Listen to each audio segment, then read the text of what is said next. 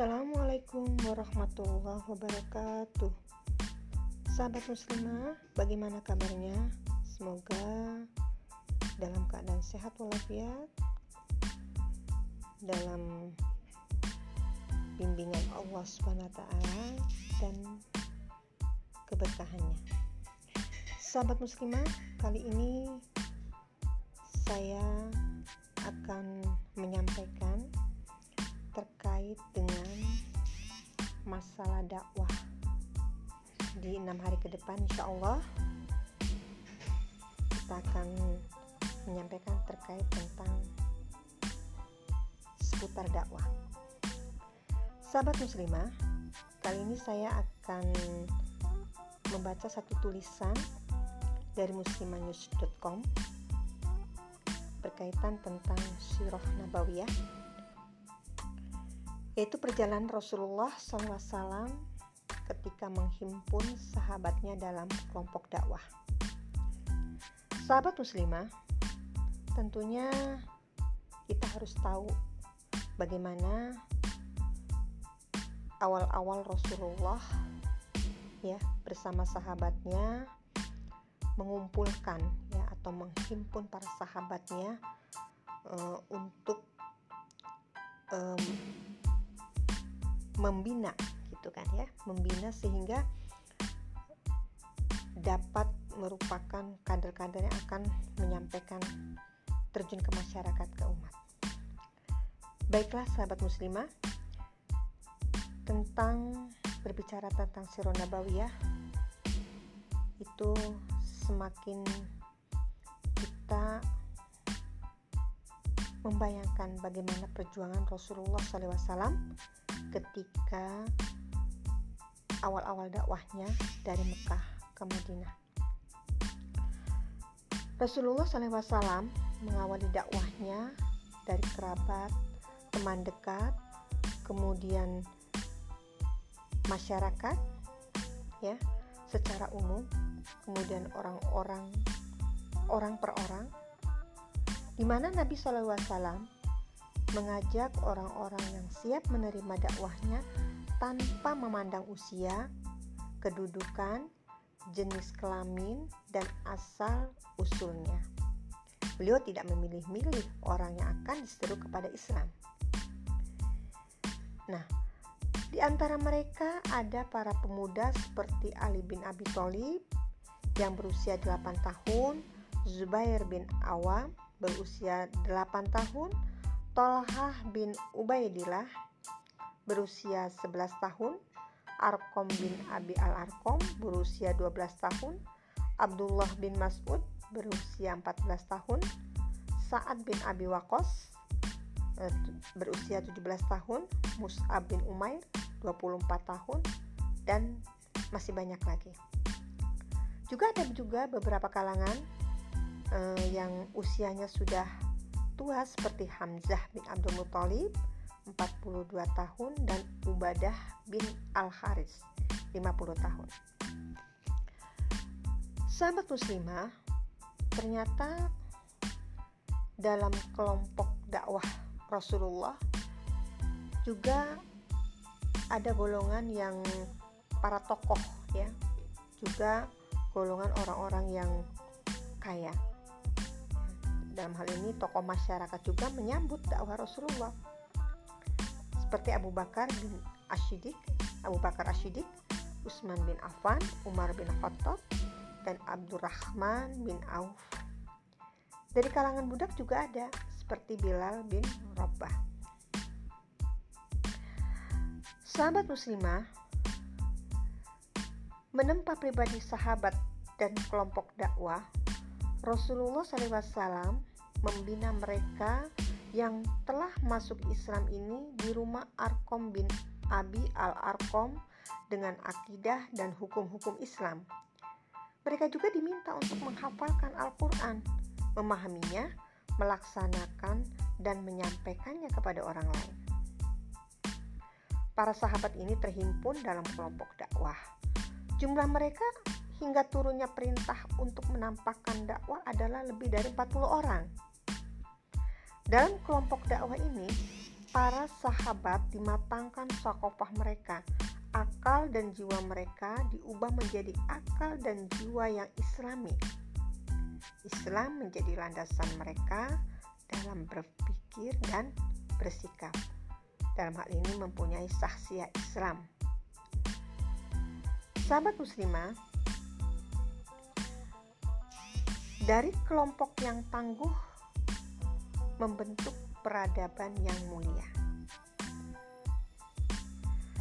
Penempaan selama tiga tahun menjadikan kelompok dakwah para para sahabat sebagai pondasi pertama bagi tegaknya peradaban Islam yang mulia. Kelompok dakwah yang sangat bersemangat menyampaikan risalah Islam dan mencela akidah jahiliyah dan sistem yang rusak kala itu. Kerusakan yang tidak hanya terjadi di Jazirah Arab, tapi juga di dua negara adidaya masa itu yaitu Romawi dan Persia. Meskipun mereka masih berdakwah secara sembunyi-sembunyi dan kepada orang per orang, tapi mereka berani melakukan perubahan yang mendasar pada masyarakat. Menyerang pandangan hidup dan peradaban yang meninggikan hawa nafsu manusia mengubah pemikiran tentang kehidupan manusia agar menghamba hanya kepada Allah semata. Sahabat muslimah, bagaimanakah kehadiran Islam setelah adanya dakwah? Kehadiran Islam dirasakan masyarakat dan orang-orang Quraisy sangat serius dalam mengawasi penyebaran Islam Islam menyebar di tengah-tengah masyarakat dengan cepat, secepat api membakar rumput yang kering. Islam membakar kufuran mereka dan abu bekas pembakaran itu kemudian ditanamlah benih-benih keimanan. Masyarakat Makkah Makkah mengetahui bahwa banyak orang yang telah masuk Islam. Mereka juga mengetahui Muhammad membentuk para sahabatnya dalam sebuah kelompok dakwah. Masyarakat juga menyadari adanya dakwah baru dan telah terwujudnya sekelompok orang-orang yang mengimaninya. Namun orang Quraisy tidak mengetahui di mana kelompok tersebut berkumpul dan siapa saja yang telah masuk Islam. Melihat hal itu, orang Quraisy mulai memikirkan berbagai cara untuk menghentikan laju penyebaran Islam. Rasulullah SAW menyaksikan kedekatan kelompok dakwah ini dengan Allah. Hal ini tampak menonjol dalam perilaku mereka Perasaan beliau menjadi sangat senang karena para sahabatnya telah sangat kuat dan mampu menghadapi seluruh kekuatan yang ada di masyarakat. Maka Rasul SAW menampakkan dakwah Islam saat Allah memerintahkannya. Muncullah Munculnya kelompok kaum mukmin secara terang-terangan di tengah masyarakat adalah hal yang baru bagi kaum Quraisy di Mekah. Dengan masuk Islamnya Hamzah bin Abdul Muthalib dan Umar bin Khattab menjadikan dukungan terhadap kaum muslim semakin kuat. Apalagi setelah turunnya firman Allah Subhanahu wa taala yang artinya di dalam uh, terjemahannya di Quran surat Al-Hijr ayat 94 sampai 96. Maka sampaikanlah olehmu apa yang telah diperintahkan kepadamu dan berpalinglah dari orang-orang musyrik. Sesungguhnya kami telah membalaskan bagimu kepada orang-orang yang suka mengolok-olok, yaitu orang-orang yang menjadikan Tuhan lain menyertai Allah. Maka nanti mereka akan mengetahuinya. Setelah turunnya ayat tersebut, Rasulullah SAW melaksanakan perintah Allah dan menampakkan keberadaan kelompok ini kepada seluruh masyarakat secara terang-terangan. Rasul SAW keluar bersama sahabatnya dalam dua kelompok. Kelompok pertama ya, dipimpin oleh Hamzah bin Abu Muthalib dan kelompok kedua dipimpin oleh Umar bin Khattab Kemudian Rasul berbaris bersama mereka ke Ka'bah dengan barisan yang rapi. Beliau melakukan tawaf sekitar Ka'bah bersama mereka. Ini menjadi petunjuk berpindahnya dakwah dari fase sembunyi-sembunyi kepada fase dakwah secara terang-terang. Dari tahapan dakwah orang per orang yang simpati dan siap menerima dakwah menuju tahap menyeru kepada seluruh masyarakat. Sahabat muslimah, apakah setelah dakwah terang-terang itu ada ujian dakwahnya? Tentu ujian itu pasti datang. Bagaimana sikap Rasulullah dan para sahabat ketika menghadapi respon dari dakwah secara terang-terangan? Di sini sabar menghadapi resiko dakwah. Sahabat muslimah, sejak saat itu mulailah terjadi benturan antara keimanan dan kekufuran di tengah-tengah masyarakat terjadi pula gesekan antara pemikiran yang benar dengan pemikiran yang rusak. Dakwah Rasul SAW telah memasuki tahapan yang kedua yaitu interaksi terbuka dengan masyarakat dan perjuangan. Kaum Quraisy mulai memerangi dakwah. Mereka juga menganiaya Rasulullah SAW dan para sahabatnya. Kelompok dakwah ini dihadapkan dengan berbagai bentuk penghinaan yang sangat menyakitkan. Mereka tetap sabar menghadapinya semata-mata karena mencari ridho Allah Subhanahu wa taala.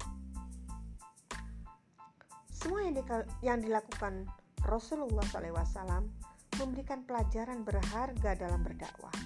Beliau mempersiapkan para sahabat dalam kelompok dakwah yang tangguh, kelompok yang berani berpegang teguh kepada Islam meskipun sangat bertolak belakang dengan keyakinan mayoritas masyarakat.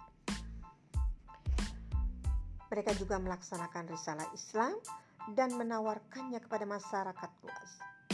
Mereka menjelaskan kerusakan dan kebobrokan keyakinan dan sistem yang bertentangan dengan Islam, meskipun resiko yang mereka hadapi adalah hilangnya nyawa.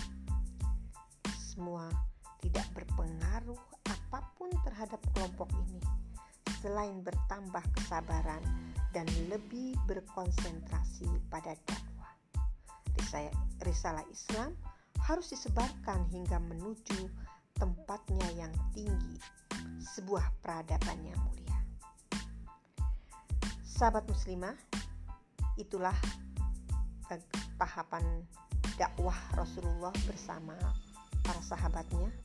Tentunya dapat diambil hikmah ataupun pelajaran pada hari ini ketika menyampaikan al-haq di tengah masyarakat tentunya akan berbenturan dengan sistem yang ada pada hari ini. Sistem yang ada pada hari ini adalah sistem yang tidak berpegang pada syariatnya. Sistem kapitalis, sekuler, liberal yang telah mewabah dan merasuki umat Islam pada hari ini. Lalu apakah kita berdiam diri apakah kita uh, cukup menjadi penonton? Tentu tidak. Sahabat muslimah tentu akan berusaha mengikuti bagaimana toriko dakwahnya Rasulullah SAW. Janganlah kita menjadi penonton. Mari kita bersama berbuat untuk menyampaikan al-haq. Mudah-mudahan bermanfaat saya cukupkan sampai di sini insya Allah kita bertemu lagi dalam episode yang akan datang. Wassalamualaikum warahmatullahi wabarakatuh